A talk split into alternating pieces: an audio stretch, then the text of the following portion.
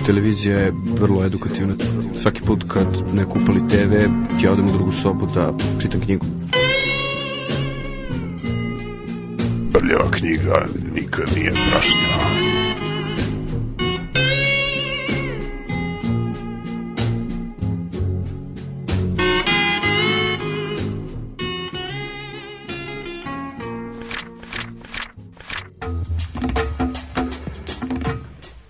tako da privedemo kraju e, ovu današnju Radio Galaksiju sa, sa jednom knjigom, jedan pisac, ovog puta pesnik u stvari. Jeste. Ovaj put malo poezije, evo, za promenu, kažem, vratit ćemo se mi prozi ovaj natrag, ali kažem, treba uneti povremeno raznovasnosti i živahnosti u program, tako Neku da sad... Neku tu prozi. Jeste, sad je na redu, mislim, zove, ovaj, dakle, jedan veoma interesantan pesnik, srećom delimično jednim delom prevedeni kod nas, to je nikaragvanski uh, književnik, teolog, političar, šta sve ne, ovaj, Ernesto Kardenal. Kardenal je rođen 1925. Znači, evo sad je već u podmaklim godinama, jedan od najzanimljivijih likova iz tog celog književnog podneblja gde je inače bilo jako mnogo mislim, zanimljivog sveta. Rodio se originalno u jako bogatoj porodici, putovao velikim delom sveta, školovao se u rodnoj Managvi u Mexico City u Njorku, vratio se u Nikaragu 54. i, usp i učestvovao u neuspelom tadašnjem pokušaju izbacivanja tadašnjeg diktatora Anastasija Somose starijeg pošto on kasnije imao i sina koji je na kraju zbačen, mm, nakon propasti ove takozvane aprilske revolucije, on se čovjek povukao u manastir, katolički u Sjedinjenim državama e, i nakon što je izdata amnestija, vratio se deseta godina kasnije u Managu i 65. godine izvanično postao, um, do tada je bio ako samo monah, ovaj, postao je katolički sveštenik i osnovao jednu monaško-umetničku komunu Ovaj, na obali Nikaragve gde je sad u narednih godina napisao više knjiga i aktivno sarađivao sa sandinističkim nacionalnim frontom, borio se protiv diktatora Anastasija Somose mlađeg i nakon njegovog svrgavanja 79. postao je, iako uprkos e, tome što, mislim, nisu mu izdali zabranu, ali su u najmanju ruku njegovi crkveni pretpostavljeni izrazili ovako negodovanje, mislim, zove tom njegovom odlukom, ali on je pristao da bude ministar kulture u novoj levičarskoj vladi i eh, sad radio je tu nešto, mislim zove na pokušaju da je li zaista izgradi novo društvo, međutim kako to često već biva i čega što on e, vrlo ovako gorko podsjeća u mnogim svojim ovaj i pesničkim i proznim ovaj ostvarenjima, ovaj, kako to već često biva revolucionarne vođe ovaj postanu brzo novi diktatori tako da je kad je on primetio jačanje tih autoritarnih tendencija u novo, u novoj vladi i kult ličnosti novog predsednika i vođe Daniela Ortege i ovako generalno propadanje ekonomske situacije u Nikaragvi, mislim zove on se 87. nakon ove 7 godina ovaj, ministrovanja povukao, mislim, zove iz vlade, a i napustio sandinističku stranku, mislim, zove i od tada ovako živi kao privatno lice, organiz, ima više nevladinih organizacija i bavi se dosta ovako promocijom kulture, izdavanjem knjiga, izda, ovaj, organizacijom raznih kulturnih dešavanja i poslednjih par decenija dobio je brojne književne nagrade. A bar tri puta, mislim, zove je, ono što znamo do sad predlagan i za Nobelovu nagradu za književnost, sad da li će da da, da poživi, da je dobije to, ostaje da se vidi. I sad ta njegova poezija generalno po kojoj je najpoznatiji, mislim on je pisao i neke prozna dela, uglavnom je eseistička i, i, i, i, i non-fiction, kako bi se reklo, a što se po najpoznatije po poeziji, po kojoj je najveći, po, najviše pod uticajem Ezre pa onda i njegovih pevanja, odnosno kantoz, a takođe u nekoj meri mislim zove i ovaj,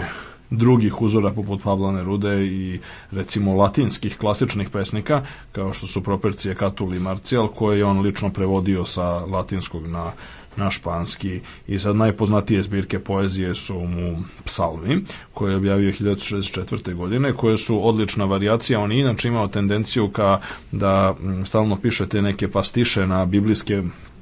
na biblijske teme i na biblijsku poeziju, ali i na razne angažovane, savremene i osavremenjene teme, a takođe poznate druge zbirke pesama su mu Epigrami, zatim Molitva za Merlin Monroe, Sumnjivi Moreuz, Gecemanija, Život u ljubavi i još jedno dvadesetak knjiga. I sad ko ima sreće da čita španski, ovaj takođe ima veliki deo, on je sam bio veliki ovaj, protivnik znači protivnik je ovaj zaštite ovaj autorskih prava tako da je ovaj sami sa njegovom dozvolom objavljena jedan ono gotovo veliki deo gotovo sve njegove poezije može da se naravno u španskom originalu ko ima sreće da čita da se pronađe na internetu. A što se tiče, mislim, zove kardinala u Srbiji, e, nažalost, kod nas je, koliko ja znam, prevedena samo jedna njegova knjiga, odnosno koja se takođe nosi naziv psalmi, s tim što to nisu svi psalmi njegovi, nego to je izbor generalno iz njegove poezije koji iz nekoliko knjiga njegove poezije, znači velikim delom zaista iz njegovih psalama, koji je znači, učinila i prevela i dosta lep pogovor napisala gospođa Krinka Vidaković Petrov i to je izdao u Beogradu, izdanje, izašlo u Beogradu još 83. godine, znači evo pre četvrt veka i malo više o, i što je mnogo interesantno u izdanju ni manje ni više nego doba, a doba znači Doma omladine Beograda koji se nekada u neko srećnije vreme bavio i izdavanjem knjiga što je nažalost sad jako daleko od aktivnosti doma omladine u posljednje vreme, ajde da, da se nadamo da ajde, da se nadamo da će se ponovo vratiti ovaj, na taj put. E, a kao primer i za sam kraj, znači kao, kao primer a, te kardinalove svoje vrsne angažovane angažovane biblijske poezije, hajde tako da nazovemo. Ovaj jedan odlomak iz njegove pesme Apokalipsa, koja uze budi rečeno, znači predstavlja direktan pastiš na a, biblijsku apokalipsu, odnosno Jovanovo otkrovenje, poslednju knjigu Novog Zaveta, u kome se Mislim, svi znaju taj deo slika, onako, najmanju ruku, mislim, zove iz, ne znam, čitanje filma Ime Ruže, kad, mislim, zove on, znači, apostol Jovan dobija otkrovenje onih stvari koje će se dešavati u budućnosti i onda sad su tu razne trube i razne stvari koje su postale već zajednička imenica i tako dalje, a evo kako to izgleda u kardinalovoj verziji, opet kažem, jedan odlomak. Ajde, zvuči zanimljivo. I gle, videh jednog anđela, a njegove fotonske ćelije su bile elektronske oči i čuh nazvučni glas kako govori, uzmi pisaću mašinu i piši. I videh srebrnasti projektil kako leti i za 20 minuta stiže s jednog kontinenta na drugi, a zvao se H-bomba i pakao ga je pratio u letu i vide kako sa neba padaju leteći tanjiri i seizmografi registrovaše nešto nalik na razorni zemljotres. I sve veštačke planete padoše na zemlju, a predsjednik nacionalnog saveta i direktor komisije i sekretar za odbranu Behu se sakrili u svoje pećine. I prvi anđeo oglasi sirenu za uzbunu i kao kiša padahu s neba stroncijum 90, cezijum 137, ugljenik 14. I tada drugi anđeo oglasi sirenu i u krugu od 300 milja poprskaše sve bubne opne od zvuka eksplozije, i izgoreše sve zenice koje videše svetlost praska. U krugu od 300 milja i vrelina središta beše kao vrelina sunca. Ispariše i čelik i gvožđe i staklo i beton i sruše se pretvoreni u radioaktivnu kišu. I razvi se uraganski vihor jačine uragana flore i 3 miliona automobila i kamiona proleteše nebom i udariše u zgrade prskajući kao molotoljevi kokteli a tad treći anđeo oglasi sirenu uzbunu i videh pečurku nad Njurkom i drugu nad Moskom i treću nad Londonom i četvrtu nad Pekingom i svi su zavideli sudbini Hirošime. I sve prodavnice i muzeji, biblioteke i sve lepote na zemlji ispariše i nestaše u oblaku radioaktivnih čestica i deca su se rađala s kataraktom na očima i geni su bili oštećeni za 22 pokolenja. I videh sedam anđela kako nose čaše dima u rukama, a dim je bio u obliku pečurke